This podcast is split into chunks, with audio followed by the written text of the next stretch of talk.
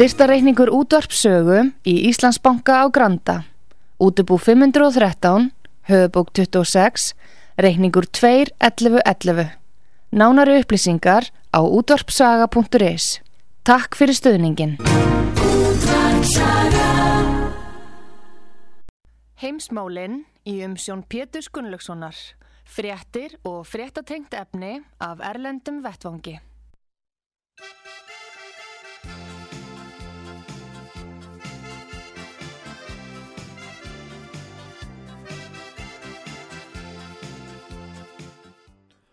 Góðir uh, hlustendur, þér að hlusta á útvarpsögu, ég heiti Pétur Gunnlaugsson og ég ætla að ræða með Gustaf Skúlason, fréttamann útvarpsögu í Svíþjóð. Sæl og blessaði Gustaf. Já, marg blessaði Pétur og hlustendur sögu.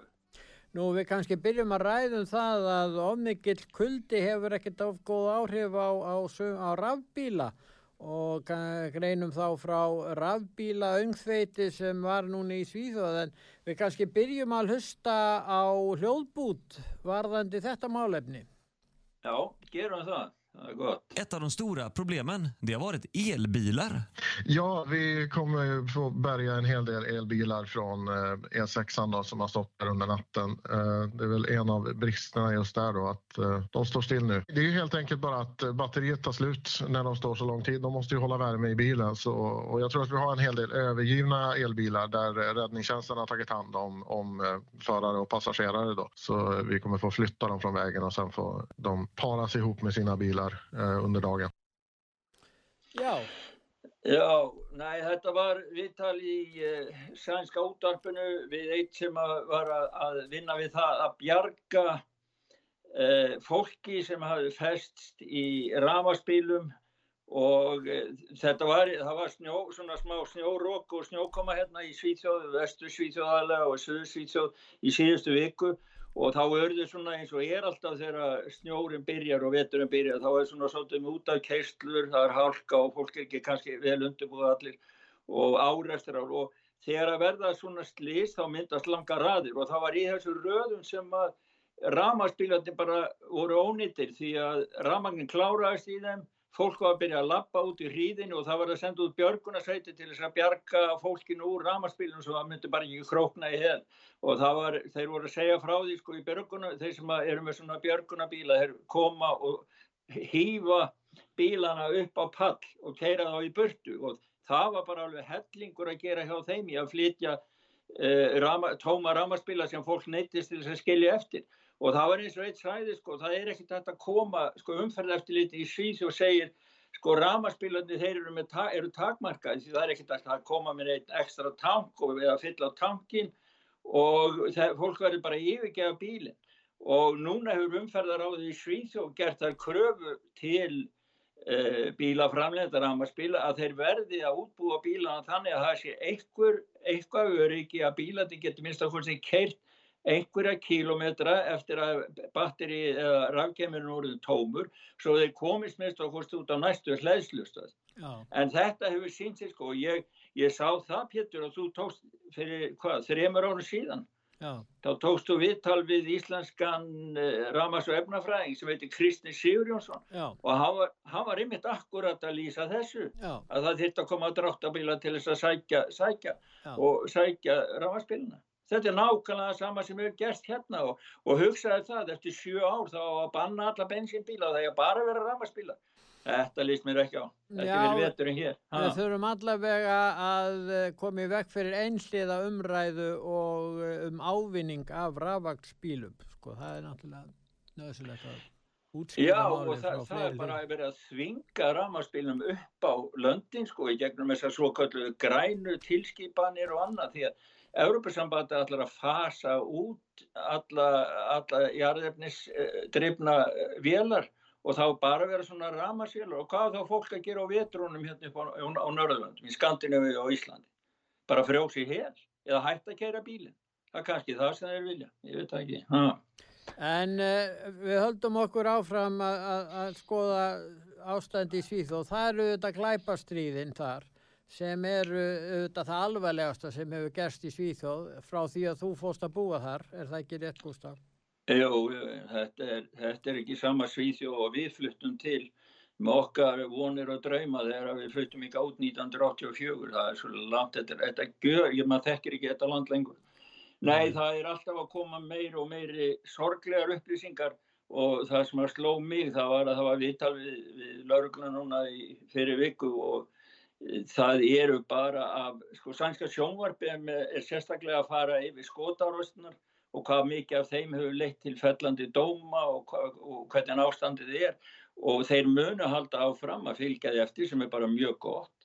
En sorg, útkoman er svona sorgli í fyrra af 385 skotára sem í Svíþjóði fyrra þá lagði lauruglan niður rannsókn á 222 skotára vegna þess að þeir hafði ekki mannskap til þess að vinna rannsóknunum þetta, já, og þetta þýðir það að það er einungi 16% skotára sem fara fyrir domstólana og einungis 13,5% getur sagt 14% leiða til sakfellingar. leiða til til sakfellingar 13,5% já, já, já, sem leiði til sakfellingar en það þýðir það að menn segja nú gætman uh, eh, glæpir borga sig ekki en morð geta borga sig í Svíþjóð.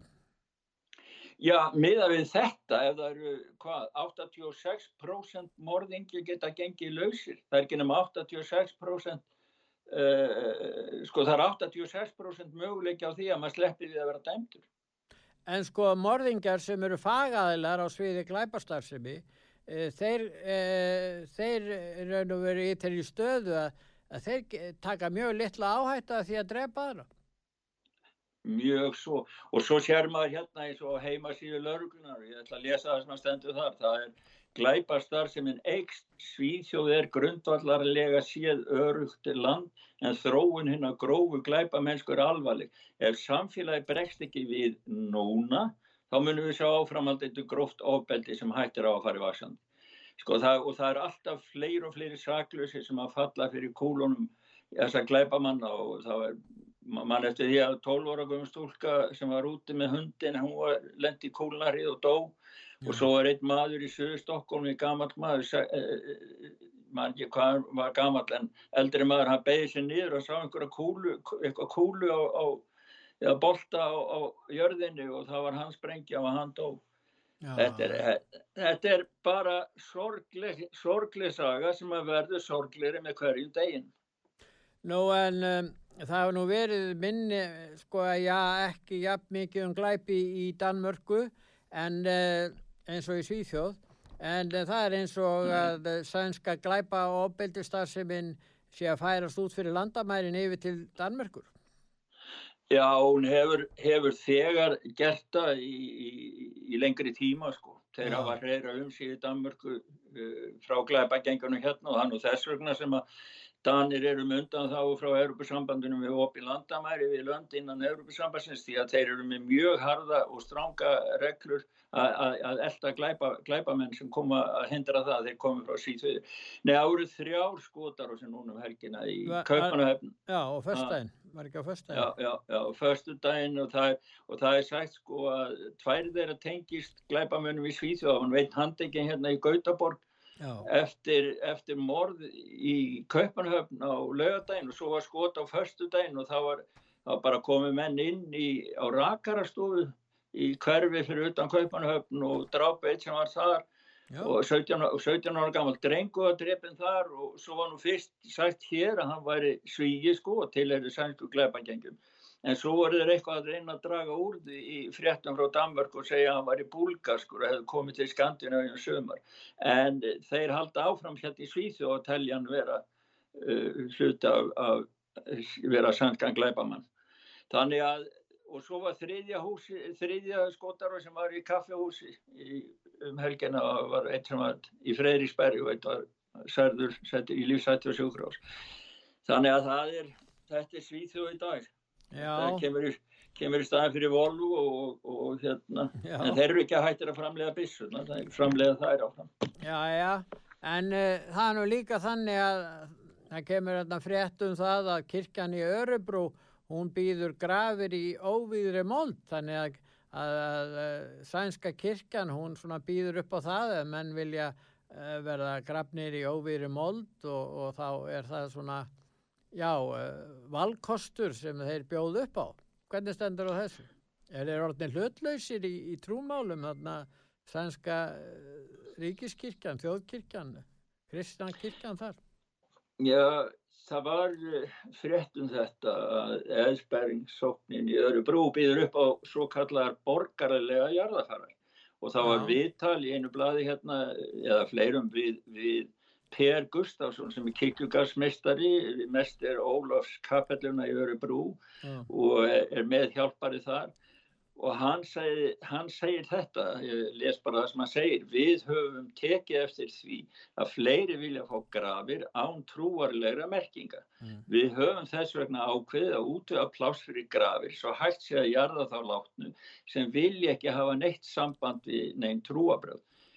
Og staðurinn þar sem að grafirnar eru teknar, það má hvergi sjást í krossa eða neitt sem minnir á, á kristindómin og þegar er verið að, að eh, kveðja hinn látna í kapellinu þá er allt tekið niður sem minnir á krist.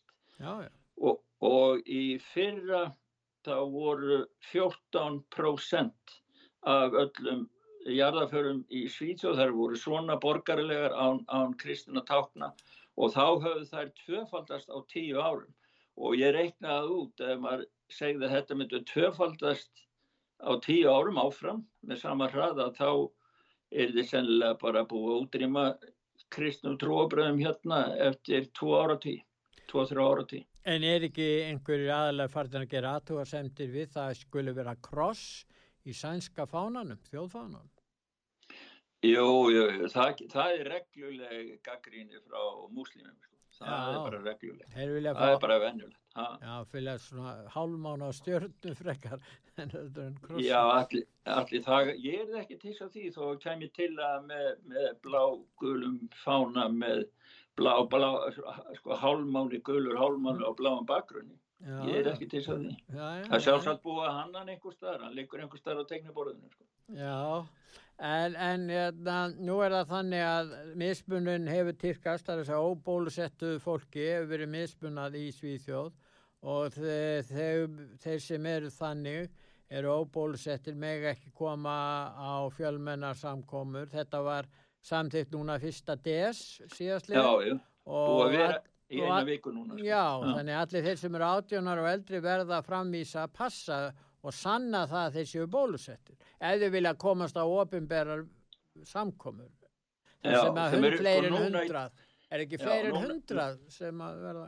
Já, það er það sem að gildir núna í augnablikinu, sko, en hvað gildir á morgun, þú veist, þeir breyta þessu bara með einu. En hvað einu, með jarðafarir? Ef það eru fleiri en hundrað í jarðaför, verða Já, menna þá að sína já. passan? Hérna? Já, já, það er gildir fyrir allt, sko. Já, Og- já. Og svo er, það eru miklar umræður um þetta og það, þeir hafa verið að segja frá, sko, hérna í fjölmurum frá, þú veist, það, fólk er farið, þeir hafa tekið einhverja sem hafa verið að reyna að falsa passa og, og e, Nú, þóst vera aðrir stóli passum frá öðrum og þóst vera þeir og svo var verið að hóta, það var einhver veitingahús, þá voru einhver, einhver glæpa menn sem ætlaði að fara inn þar og að neita því þeir voru ekki um passa og þá ætluðu þeir að drepa hérna varðmannin fyrir utan veitingastæðin og þú veist og svo var einhver samkoma hérna upp í Norður Svíþjóð hvort það var íþrótta eða tónlistasamkoma held ég í Umi og, og þá var sett fyrir því að það voru tvær konur, þar voru ekki sænskar en þar voru báða bólusettur og voru báða með passa en þar voru bara ekki sænski passa svo þeim var ekki leiftin svo það er sérst bara alltaf að fara á, á krána og drekka sér fullan. Já, það gáttu það. Ha, Það er hægt að gera það. Ef það eru já, ef það eru minn en hundra sko. Já, já, já. Einmitt. En síðan er það nú eitt sem er að gerast að eh, þá nú gætan í gamla daga þá var svona skipting á milli sósialískra flokka sem þóttu svona sína meiri forræðishyggju og hins vegar borgarlegur flokka. Nú er það þannig að modern, moderata í Svíþjóð er borgarlegur flokkur. En uh, samt virðist nú vera þannig að, þeir eru farin að sína mjög mikla forræðishyggju samanberð það að eitt þingmaður flokksins leggur fram uh, þingsályktuna tillögu á sænska þinginu um að taka upp bólusetningarskildu á öllum börnum í Svíþjóð. Þetta er mjög róttækt til að. Já, þetta er, sko, ég vissi bara ekki hvaðan á mig stóð veðrið, sko, þegar ég sá, sá þessa frétt. Og þetta líku núna er, er í umsökk hjá félagsmálanemnda á Sænska þinginu og það ræða þetta að, að, og hann raukst yfir þessa tilhug sína með því að það sé búið að hræða fóreldra frá því að fara með börn að nota bólusetta börn vegna eh, falskra upplýsingra og rangs áróðus einhverja abla sem er á móti læknavísundum og móti lifjafyrirtækjunum. Og þess vegna vill hann líka því sem bætti við að það verði sko farið, svona eh, aðilum sem eru með gaggríni á, á bólefninu og annað að þeim verði sætt stríð og hendur og að foreldurum barna sem ekki vilja láta bólusetta börnin að þeim verði refsa og það verður mjög frólitt að sjá hvað, hvernig þeir ætla að meðhandla þetta hérna í þinginu og hvaða refsingum þeir vilja koma á. Ég held nú ekki að það er stöðuna sem foreldri ef það er sko verið að uh, þvinga foreldri uh, hérna að vilari refsingu að láta bólusetja barnið sitt sem síðan veikist af bólusetningu. Já, það, er, það verður ábyggilega bara, því verður bara neyta, sko. Því verður bara neyta, þeir, það er mjög mikil afneytun á mörgur sem þið gerum. Mér finnst, sko, hlutin gera svo hratt núna. Þetta hráa er bara að dinja yfir okkur á hverju meinasta degi í, í, í allt meiri, á öllum meiri hraða, sko. Og það, ég, mér sýnist það bara, það er að sapnast líð sem að vil bara mála einhvern allt annan raunveruleika þetta er venjulega, við, við venjulegi döðlegum lifum í og bara afneita, eru bara í afneitun á því að það sé einhver aukaverkanir af þessu. Já, við erum að tala um stjórnarskrárbundin réttindi sem menn eiga og það er já. bara sagt, já, nú ríkir neyðar ástand við stjórnarskráin henn er vikið til hliðar og síðan verðu, verðar, hérna, verðum við bara að semja reglur sem að hérna, þvingar eh, foreldra í þessu tilfelli til dæmis til þess að láta bólusetja börn sín. Aðurum kosti geta er já letti í sektargreislum eða farið í fangels eða ég veit ekki hvað er hugsað sér í þeim Já og þá er bara gert eins og það er gert við hérna, erkibiskupin sem við rættum um um daginn.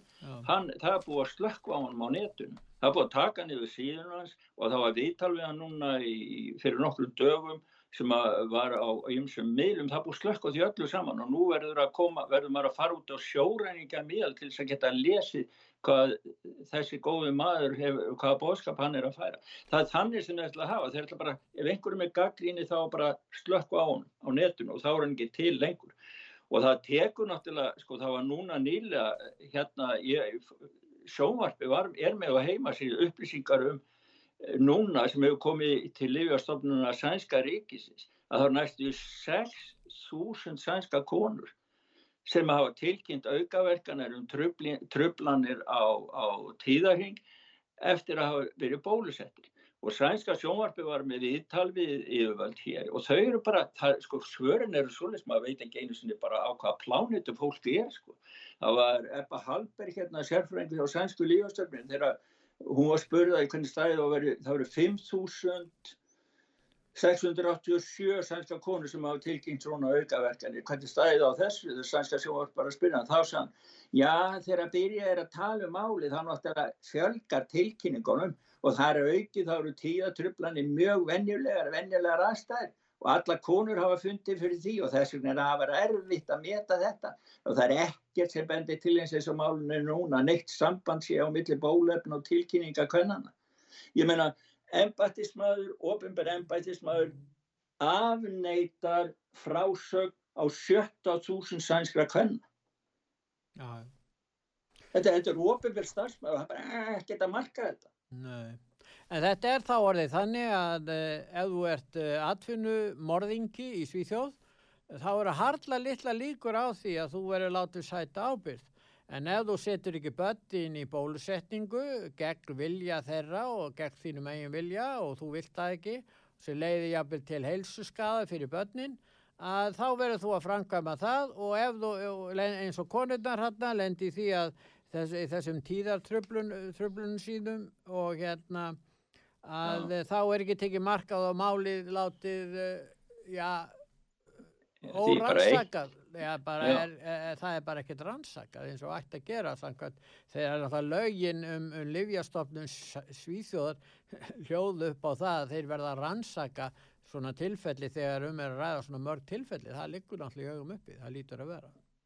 Já, nei það er sko réttlætis hugtækið og lög og reglur og almenn skynsemi. Þetta bara, það er búið að íta þessu öllu saman út í hotn og svo á sópaðs undir teppið. Ég veit ekki hvað kemur í staðin. Það, við, verum, við getum rætt það þá En eins við- lengi og við, við getum, ef við förum frá Svíþjóð yfir til Kanada, þá Já. er það líka íminsett að gerast þar. Þar eru þessir, uh, þessi fóstur uh, látum fjölgar hérna uh, óhugnarlega mikið í, í Kanada og það er reyndar uh, uh, kanadísku læknir sem er frá, ættaði vantala frá Asju, Dr. Daniel Nagase, allan sé ekki í. Japani, hann er að gaggrína þetta, hann, hann er nú hljóðbútur sem fylgir þessari frétt ef ekki að hlýða hann. Já, hlustum á hann. From one of the local doctors in North Vancouver, Dr. Mel Bruchet. He has contacts all through Vancouver. And some doulas who work in Women and Children's Hospital, which isn't in North Vancouver, it's in, in, in Vancouver, Vancouver. It's one of the birthing centers for Vancouver.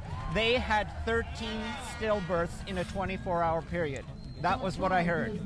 But the thing is, I've also heard a similar story out in Waterloo, Ontario. So in Waterloo, Ontario, I have a more reliable statistic that there was 86 stillbirths between January and July. And normally it's only one uh, it's only 5 or 6 stillbirths every year.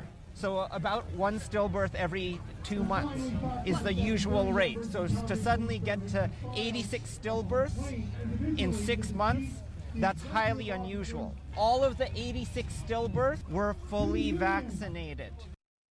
Já, hann greinir Já. frá því að á einu svæði þarna í Ontario þá hafi verið 86 fóstulát skráð frá janúar fram í júli en venjulega eru bara 5-6 fóstulát á ári að ræða þessum stað.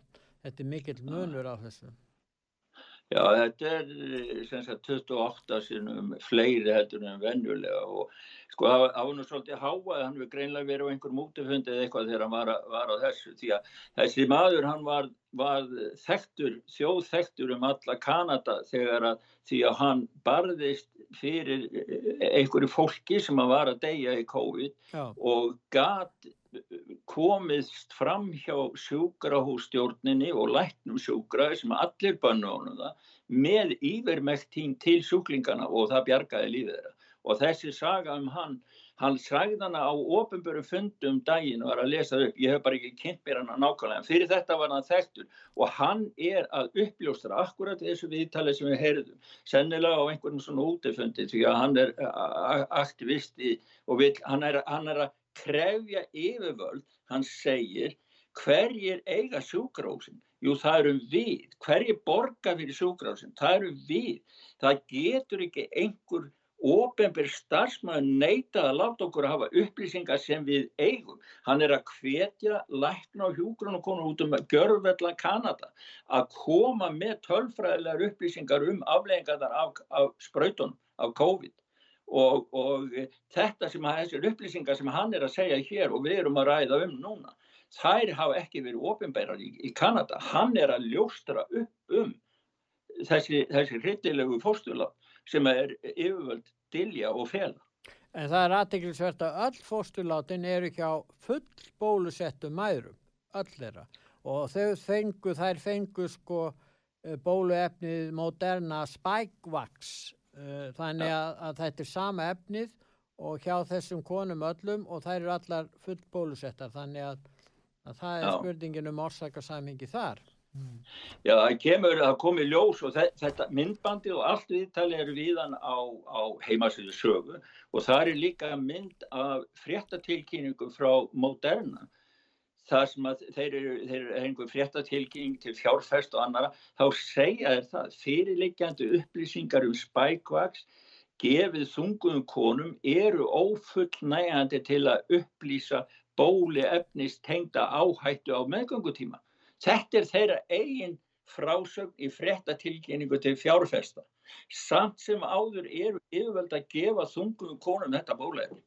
En það er aðtiklisvert að þarna svo er þetta í Kanada og svo hefur förum til annarar nýlendu bretta þar sem að bresk áhrif eru yfirgnafandi, það er í Ástralíu og nú þeir hafa komið fram að mikill hörku í þessum COVID-málum og hafa reist einhvers konar COVID einangrunar búðir. Segðu okkur frá því. En það er náðu í þessu hljóðbúti fylg, sem fylgir þessari frett ef einhver hlusta hann og fara síðan í frettina. Jó, jó, gerur það. It's a $5,000 fine if what? If, if you breach again. If, if I walk out onto that. If I cross that yellow line that I've broken the rule, I will be issued with a $5,000 fine. That's correct. So what did that experience make you think? Like what what was your feeling about being in that situation with those people in control of your every movement? It's horrible. It's a horrible feeling. You feel like you're in prison. You feel like you've done something wrong. It's inhumane what they're doing. Like you you are so small. You they just overpower you and you're literally nothing. It's like you do what we say or you're in trouble, we'll lock you up for longer. Yeah, they were even threatening me that if I was to do this again, we will extend your time in here. Já, hún var í þessum COVID-búðum og hvað eru þessar einangruna búðir? Er þetta bara eins og fangabúðir hérna? Já, það, það vakti mikla aðtikli einmitt e, þegar gott þú notar orðið fangabúði því það vakti mikla aðtikli að það voru einhverjir að reyna að flýja frá þessum einangruna búðum og voru handteknir og lörglun eins og það var stór hættilegir glæpamenn á ferð. Þetta, það, þessar búðir voru byggðar fyrir nokkru og ástralska ríkistjónin er í dag að eigða fullt af skattapenningum með það að byggja miklu fleiri á fleiri stöðum svipaða búðir. Þessi kona sem að er að segja, segja, segja frá þessu, uh, hún, hérna, hún heitir Hailey Hodgson. Já. og hún var í einhverju samkvæmi eða eitthvað með einhverju manni sem var smitaður af COVID. Já. og ástralska lauruglunar hún tek, veit nákvæmlega allt um alla. Hverjir geta spórað frá þessum manni, hverju voru í, í, í, í með, með á, á, á hvort þetta var veislega hvað það var. Og þannig að það var komið til hennar og það var sagt við hann að hún ætti að koma að láta sprauta sig. Svo þegar þau komið alltaf að sprautana þá var bara, þá var henni gefin tveir kostir. Annarkort kemur hérna í COVID-bílinn eða þú voru að borga 5.000 dollara sekt og ég er nú að reyna mann ekki hvort ég skrifaði hvað er miklu, það er alveg gríða, jú það er 460.000 krónur íslenskar Já. Og hún náttúrulega valdi það að fara með bílinn en þá var ekki farað með hann á neina stöð til þess að sprauta hann, þetta er beint í þessa búðir. Og henni var tilkynnt að hún er að vera þarna í 14 daga. Það var tekið prófa henni að meðan hún var þarna nokkur sinnum og hún var aldrei með neitt smið en samt var hún að vera þarna í 14 daga. Svo er hún að lýsa frá því þetta, þetta er bara absúrt, það voru gular línur. Hún hafi Já, þess að segir tvo það. fermetra út á svölum til þess að geta kallað yfir til næsta, næsta íbúðar eða eitthvað svoleiðis og hún mátti ekki hreyfa sér nema að vera með grímu og hún fór, hún fór einu sinni yfir striki á þess að vera með grímu og þá bara komið tveir varðmenn til hennar all right, þú sleppir núna næsta skipti þá verður að borga 5.000 krónur og það er það sem er 5.000 dólar af það ekki. 5.000 já, 5.000 ástralska dólar dólar, já, já. það eru fjög, Pétur, það eru 460.000 krónur Já, já, það er, það bleið. Og hún misti vinnuna. Hún var, svona, hún, hún var ekki fast ráðin heldur var svona lausa vinnu. Já. og hún var rekin, hún fekk ekki að koma tilbaka. Nei. af því hún mætti ekki þarna í þessa daga. Og hún fær enga, enga já hún fekk kannski einhverja pínulíti e, svona eitthvað pínulíti upp í þetta en, en ég menna þetta er bara þetta, hún lýsir þessu sem fangabú. Já, já, já, já. Þeir hafa, þú talaði nú við Íslanding sem býr í Ástralíu og Já, hann, var Konráð að lí- Pálmarsson, já, hann var hlindur svona hörðum aðgerðum til að byrja með en uh, ég held að, að hann hafi komist á aðra skoðun eða ekki smám saman Já, nei, sko, hann er líðræðisinni og hann er ekki með hörd, hör, hörðum aðgerðum gegn þeim sem er að berjast gegn eh, Nei, svona lögum. Nei. Nei. hann var bara að honum fannst ekki vera sagt nægilega rétt frá fréttum á Íslandi ve- vegna þess að hann, hann bent á það að það væru önnur öll sem hefur slæst með í mótmælinar Já, og sem að honum fannst að lögregla mætti vera hörð við Já. og þá var hann að tala um svona held ég últra einhverja eitthvað lið, ég veit ekki hvaða lið hann var að tala um almennilega, eitthvað sem var bara óbeldislið sko. ekki verkalýsfélagin eða venjulega fólki sko. Nei, en þetta er nú svolítið sérgæðið því að Ástrali hefur nú verið í hópið svona frjálslindustu ríkja eh, á jarðkringlunni svona að mörguleiti og uh, þeir eins vegar hafa ákveðið ríkistjórnin þarna sem er svona frjálslindur hæri flokkur sem að stjórnan mestu þarna og uh, þeir uh, hafa ákveðið að taka þessa hallinu stefnu upp í þessu málaflokki í Ástralíu. Já og það var einhvern sem sagði það í einum þættunum að þar til nýlega var Ástralja með sinni viðfæðmu strandlingu og fallum ströndum takk fyrir útvist og æmyntiræði líf og flest öllum talin einn stór paradís Já. sem orðlóstaður í sögur Keirahafi. Nún er Ástralja staðinu sem mertur er sem COVID-sótt kvíjar helvitið. En þeir voru þek sérstaklega þekkti fyrir svona afslappað viðhorf. Já. Það voru ekki að æsa sig yfir svona lutunum og væri svona afslappaðir. Og, en það er nú eitthvað að breysta. Það er búið. Ná. Það er búið spil. Sko. Það er farið. En ef við förum til bandaríkjana, nú það er ímislegt að gerast þar, það er til dæmis uh, að koma í ljós betur að, að lifjafyrirtæki eins og Moderna sem fekk enga leif á sínu tíma fyrir uh, upplýsingum sem að hefði ekki átt að vera til á þeim tíma. Hvað segir um það? Já, það var, það er grein á heimasíðu sögu Já. eftir og fyrirverandi var að ofista í bandaríska herdum, hann er á eftirlaunum, Lawrence Sellin Já. og hann er læknir, læknir læknismentaður og hann er að skrifa sko um, hann heldur í fram að þetta sé lífefnavopn en það kemur fram í greinin hans að árið 2017 þá hafi Moderna sótum engaleifi og það er númerið á því 7. februar 2017 Já. sem lýsir nákvæmlega hvernig COVID þessi, þessi röðun sem hefur verið spröytuð inn í SARS-veiruna og er bara til í COVID Já. lýsir nákvæmlega hvernig það er og maður verður náttúrulega að spyrja sér hvernig gæt Moderna 2017 sóttu og fengi enga leifi fyrir þessari röðun sem einungis er þekkt í dag í COVID-19, var ekki þekkt áður. Nei. Ég, það, það, er, sko, er, það er eitthvað svo mikið bóið við allt saman og það, það komst í ljósens um þetta þegar að það voru bandarískir læknar eða einhverjir sem voru að vinna með þessari svo kallu leðblöku-konu þarna í, í Kína Já. sem á sótum styrk til bandarinska hersins til þess að vinna við, ég kallaði viðbútar virknir sko, aðeins og rannskum og Fauci sko, hann er, er tengt við þetta alls saman.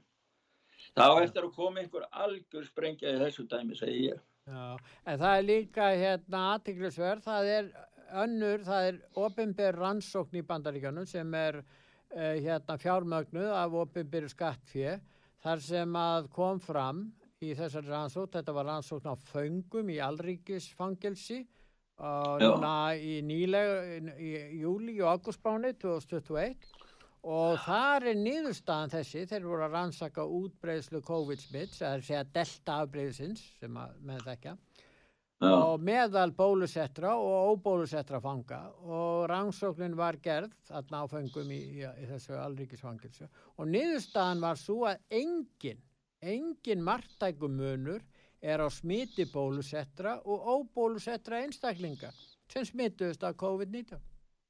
Já, þeir sko, þeir, þetta eru mjög, þessi rannsókn hún var borg, greitt fyrir hana meðal annars að Center for Disease Control and Prevention eða smittsjúkdóma Já, CDC og smikstúdóma varnastofnum bandaríkjana Já.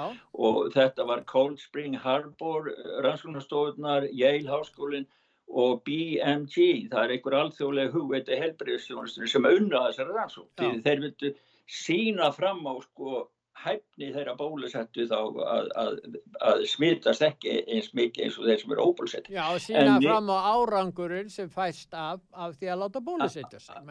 Já, einmitt sko. En þeir, og það, þetta er byrt og þetta er náttúrulega á, á heimasíðu sögu sko, þetta er byrt í læknarskíslum uh, frá Oxford í Englandi og uh, þar er sko sína er alveg læknisfræðilega, þeir rannsaka prófin og þeir bæði þessum og krusku og þetta er allt útskýrt læknisfræðilega. Og þeir, niðurstöð þeirra er að sko að þeir, þeir segja að sé engin tölfræðilegu margtækum munur á smitmöguleikum millir bólusettar einstaklinga og einstaklinga sem ekki voru bólusettir. Og niðurstað þeirra er að áframhaldi hætta er útbreyslu faraldsins þegar að veiran finnst í margmi jafnvel þótt bólusetningar hlutsalli sér hátt. Þannig að þetta hjarð og næmið til að stoppa veirun eða smittast ekki af það stænst ekki. Góðir hlustendur, þið er að hlusta á útvarpsögu, ég heiti Pétur Gunnlaugsson og ég er að ræða við hann Gustaf Skúlason, fréttamann útvarpsögu í Svíþjóð. En Gustaf, við tökum núna auðvisingarlið stött og svo eftir auðvisingarlið höldum við umræðin á. Heimsmálinn í umsjón Pétur Gunnlaugssonar, fréttir og fréttatengt efni af Erlendum Vettvangi.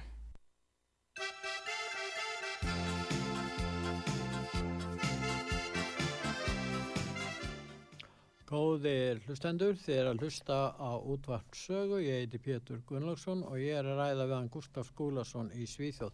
Nú Gustaf, við vorum stattir í bandaríkjónum en þar byrjuðu nú eh, hóðust réttarhöld í máli Ghislaine Maxwell núna hérna uh, nýlega og á Manhattan og, og þar hefur komið í ljós núna, að koma meir og meiri upplýsingar um Um, ekki bara hana, heldur líka Jeffrey Epstein, hérna vinnennar sem er batnanýðingur, var batnanýðingur og, og þar kemur fram að uh, hann heimsótti Bill Clinton í kvítahúsi að minnst að kosti 17 sinnum og stundum með uh, uh, hérna Ghislaine Maxwell sér. Hvaða er þetta átti þau kvítahúsi svona oft? Já, já, segðu allir, þau hafi ekki verið að undirbúa allar þessar 27 flugferði Bill Clintons með Lolita Express. Hversu sem þær voru nú farnar. Já, það er flugmenn sem að flugu, flug, þeir voru að fljúa þessu vélum Epsteins, þeir hafa verið vittni, þeir hafa vittnað um það að Bill, Bill hana, Clinton hafi nú verið að þvælast þarna í vélinni. Já, og svo það, þetta vakti, vakti, hefur vakið aðtegli í sambandi við, við þetta því að því að hún var bóði sko meðal annars af Robert Rubin sem sittna var fjármálar á herra Ríkistort Clintons og sko og, og Ghislaine Maxwell var með honum og hún var, hún líkur náttúrulega er ákjær fyrir það að hafa verið svo sem að laðaði eða lokkaði ungar stúlkur undir lögaldri inn í þetta, þetta svall og þessa spillingu. Já og eins og við rættum um síðan sko þessi það er verið þessi sem var með Andrew Prince í verða málafelli það sem koma, koma bráðum á næsta ári sko í sambandi við það en e, það kemur líka fram í þessu sagt að, að það hafi verið stúlkur undir lögaldri með í velin í flestum flugförnum Bill Clinton. Já já Þannig að þetta er, þetta er, það á eftir að koma margt ábyggilega mjög falleitt. En þessar upplýsingar um það að Epstein hafi heimsótt Bill Clinton að minnstakosti 17 sinnum í kvítahúsi að árunum 1993 til 1995, bara á þessum árum. Og Já. hérna, og ásamt vinkonu sinni, Ghislaine Maxwell, stundum, Já. að það þýðir það sko að þeir hafa nú verið meir en, en svona kunningar Ég segi nú bara, segðu mig hverju viniðir er og ég skal segja hver þú ert, en ég meina, nei ég meina, hvaða erindi átti Epstein, ég meina, ég held að Bill Clinton verði nú að útskýra þetta. Ég, ég á nú ekki vona að Hillary greini frá þessu sérstaklega. Nei, nei, ég er að horfa á mynd sem hefur gengið á netinu, ég fann á netinu það sem að Bill Clinton, hann sittur í hægendastól í rauð háumhælum skóm og í á í bláakjólun sínum þannig að þetta já, þetta verður svona ábyggilega svona skemmtisagan í jólinni en sko þetta er skráð þetta er ekki orrómur þetta er ekki einhver samsæðiskenning þetta er bara skráð í gestaskrá kvítahúsins Já, og, og þessar upplýsingar líka, já, gögnin koma fram í, í þessu réttarhaldi. Já, þá, þá kemur fólk fram og verður að stiðja málsitt og skýra og annað. Mér finnst eðlert að kalla hérna fósittan fyrverandi Bill Clinton, valla bera það fyrir sig að hann þurfi ekki að mæti réttin vegna þess að hann njóti sérstaklega forréttinda sem fyrirverandi fósiti, hvað segir nú það? Frið Helgi, jú, njóta er ekki þess áfram, verður ekki að Já, í pólitík en ekki varandi svona engamál. Já, Já hann, það, var, gerði þetta sem fórseti, sko, þannig að það ætti eiginlega að vera landsréttur yfir hún, sko, en, en það var nú gert þarna með stúlkuna sem hann var með, sem hann sóri eið fyrir framann alþjóð að hann hef ekki haft neitt samneiti með, já, já. en annað anna segja nú sögurnar Nei, annars sæði að segja sæðisplettur í kjólennar, skilur. Já. Það þurfti það ja. til til þess, annars hefði hann aldrei áfram að ljúa, blessaður. Já, já á, á þessum tímum lækna vísend. En það, sko, hann hafði einhverja samúð á sínu tíma, vegna þess að menn sögðu þetta er bara hans engamál og svo framvist. En málið er að í þessu tilfelli, þá er þetta ekki lengur eitt engamál.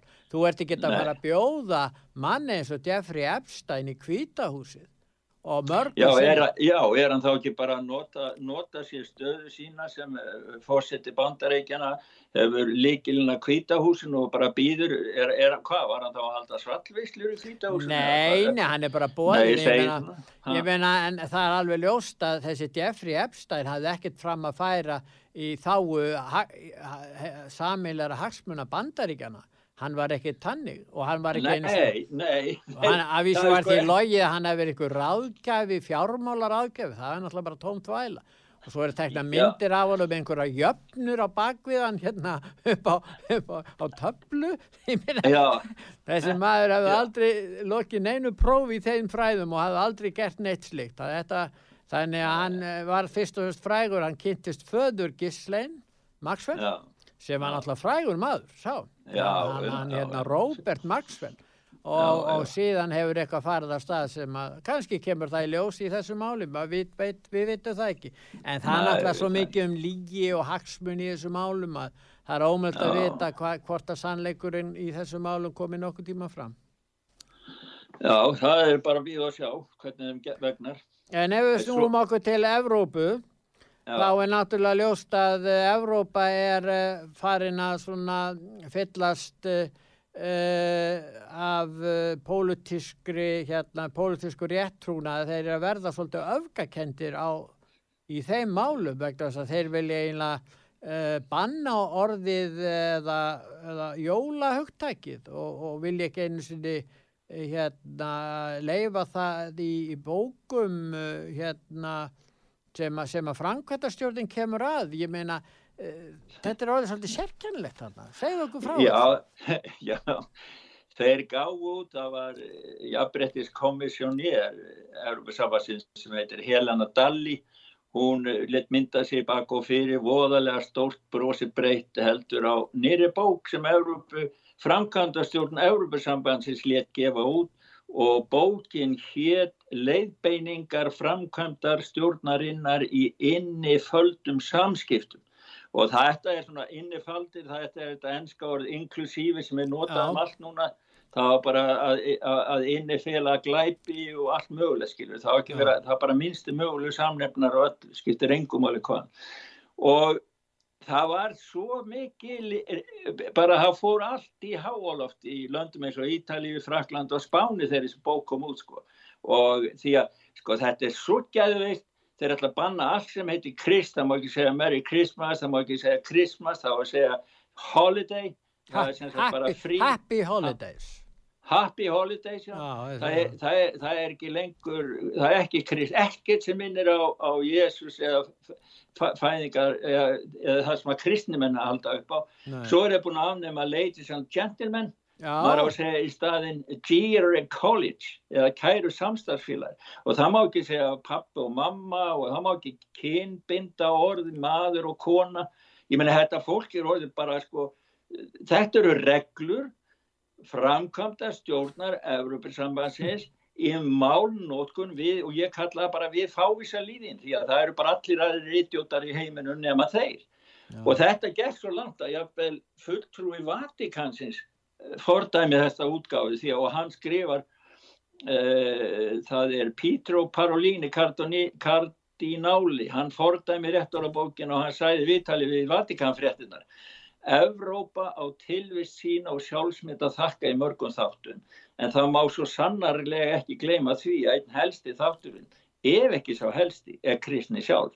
Að banna gleðli jól eða tilvísanir jólaflýi er ramt vegna þess að það virðir ekki menningunni eðlilega mun fólk í tilrönd til að samræða allt samkvæmt minnsta samnefnum.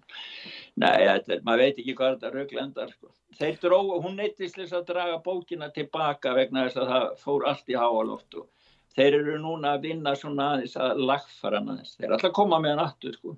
En það sem alvarlegar er að það gengur yfir aðskilnaðar flóðbylga út af COVID-19 í Evrópu og það er Evrópusambandið undirbýr bóluskilduna uh, Grekland er búið að refsa, er farið að refsa óbólusettum ellilífristegum Sviss með þess að samþýtti í, í, í þjóðuratkvæðgreðslu að bólupassa jáfnvel þjóðaratkvæði greiðslur döga ekki til þess að stöðva þessi mannrittabrót Það er búið að hræða fólk alveg upp úr skónu, það er bara sagt ég hefði bólusetið ykkur, það bara drepist því það likur við að þessi bóðskapna þannig að það eru margi mjög hrætti eitthvað óþægt fyrirbæri og svo er alltaf ákomið eitthvað verra og verra. Þannig að hræðslu áróðun er með fullum alltaf áfram. En eigum að segja frá þessu sem ég var með smá hljóput frá, frá Östuríki Já. því að Östuríki er fyrsta landi sem að tekur upp þingandi bóluskildu sko. það er alveg svakalega Það er fæðingaland Adolf Hitler, það er ekki að glemma því. Já, nefnilega Ég var að hlusta á Putin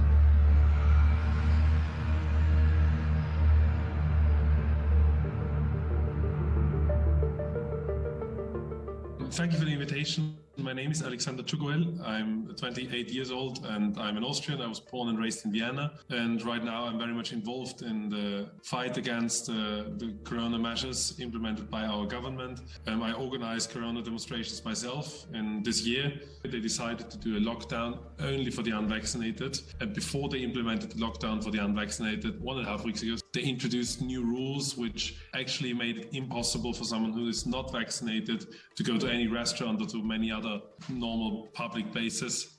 And now, uh, last week, last Friday, Chancellor Alexander Schallenberg announced that from 1st of February there will be a vaccine mandate in Austria for every Austrian.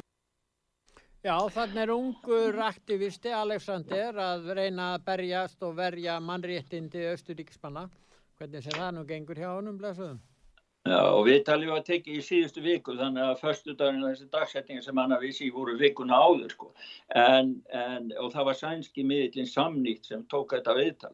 Og, og sko er, hann, hann lýsir, þetta viðtal er á, á heimasíðu sögu, það voru þetta að heyra allan bóðskapin, en hann er að lýsa því hvernig akkurat þetta kemur út gaggort þeim ábúlisettu, hann er að segja frá hrigalegum sektum. Til dæmis eru veitingahúsa eigandur sektaðir mótsvarandi 4,5 miljónum íslenska króna ef, að, ef, það er einhver óbólusettur inni á, í veitingahúsinu þegar löglan kemur í heimsó.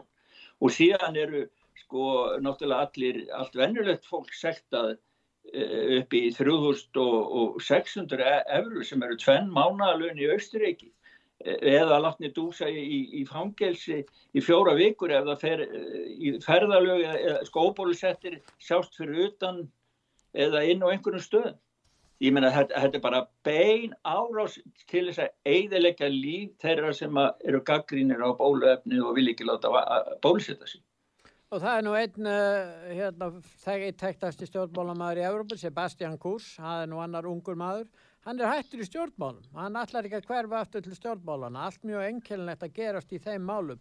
Og við erum að vísa stutt eftir en, en við sjáum ja. það við getum rætt um þetta sem er að gerast á Ítalíu aðskilna, stefna, Breitlandi, það er að vísa eina landið í Evrópu sem er ísöp gegn þess að núna eru finnatnir sem segja nei við þessu, þökks í þeim. Og ég átti nú von reyndar á því að pólverðinni færi nú að ísöp gegn þessu, ég veit ekki hvort að það verði. En ég verðum að ræða það sem skeiði í Noregi hérna áður við hættum. Það er í sambandi við hérna veisluborðið þarna, norska jólaborðinu. Já, það var sko, það var fyrirtæki sem er alþjóðlegt sem að bauð stafsmennu sínum í jólaborði í Oslo og e, þetta var í síðustu viku og, og það var skilirði að enginn mætti koma nema að vera bólusettur og allir urðu að koma og sína splunkun í pró um það að þeir væri ekki með COVID. Og þeir fóru þarna inn og 60 manns af 100, þetta var það fyrsta sem kom eftir að þetta kom frá Suður Afríku, þetta nýja Omikron uh, afbyrðið og 60 manns af heldur 100 urðu allir veikir. Og allir bólusettir og með ný, ný skilríkjum það að þeir væri ekki með COVID. Þannig að eitthvað sínir nú þetta og síðan hafa komið sko hefur haldið áfram og það er mikil, mikil allavegni vissum hópum gripin sem skelving, guðminn almáttur, þetta söðurafríska, þessi söðurafríska, afrið, það, það er miklu verra og smittar alla þannig að normen þurftu til og ég held að þessi að koma upp aftur svona að það með enginn kom inn í landin en maður vera með, sko þeir eru að byrja með takmarkanir aftur eins og þeir voru með áður sko.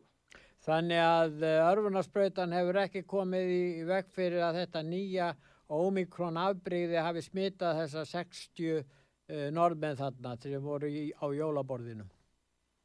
Nei, er ekkert sko, en, engar hefur allir fullt bólusettir fram og Já. tilbaka sko. Já, ekki duð. Og svo, og, og svo, sko, svo, þetta er svona í öllum löndum, Pétur, þetta er að koma út um allt. Í dag er ganga í gildi ný lög í Danmörku það sem, að, sem byggjar á samkomulagi ríkistjórnarinn við verkalýshreyfinguna og það er sko enga smá sektir sem að, sem að sko það má vinnuveitum er gert kleift að reka burtu starfsmenn sem að eru óbólusettir. Það er í þeirra höndum að gera það. Og það eru 40.000 óbyrferi starfsmenn í dag í, í Kaupanhöfn, já ég held að sé að þeir kallaði rík, ríkjón höfustæðin sem að sko eiga sína skilríki í dag og svo er bara sagt að þeir fengu hótunabrið, tölvupóst hótunabrið frá yfirvöldum ef þið farið ekki og bólusetja ykkur og ef þið vilja ekki gera þá hefur það réttafarslegar aflengar sem þýðir bara ykkur eru sparkað.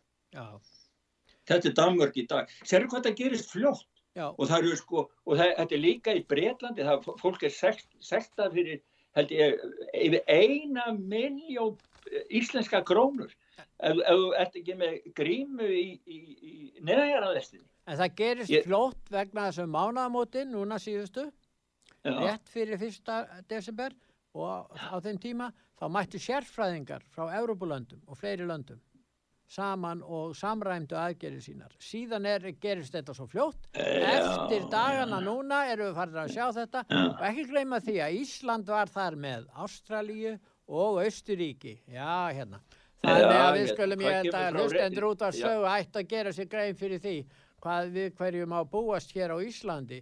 Því að þarna er verið að leggja línunar það er ekki Íslendingar sem taka ákvörðun alls ekki þjóðin og alls ekki alþingi náttúrulega ég veit ekki hva, hvað þeir eru að gera.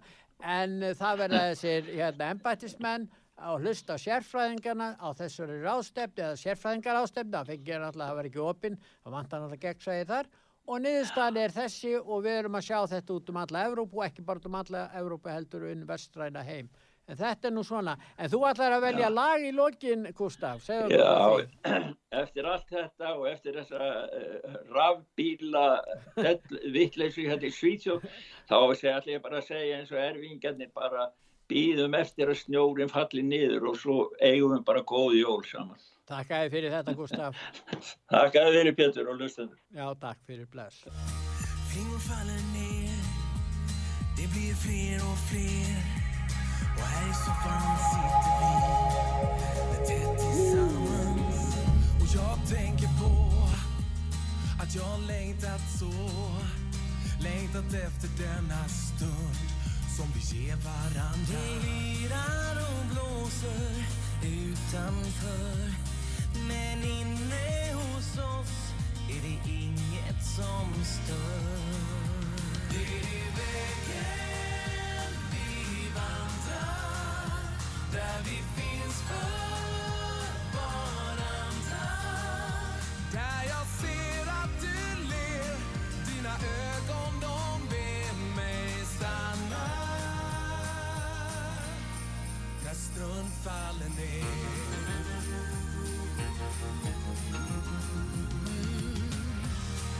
några barn det kom. Vi fick kärlek som de fick igen och som de bär i sina hjärtan. Vi bygger minnen nu, barnen, jag och du. Allt det där som gör en hel när man ser tillbaka. Jag älskar att ljuden från barnens spring betyder så mycket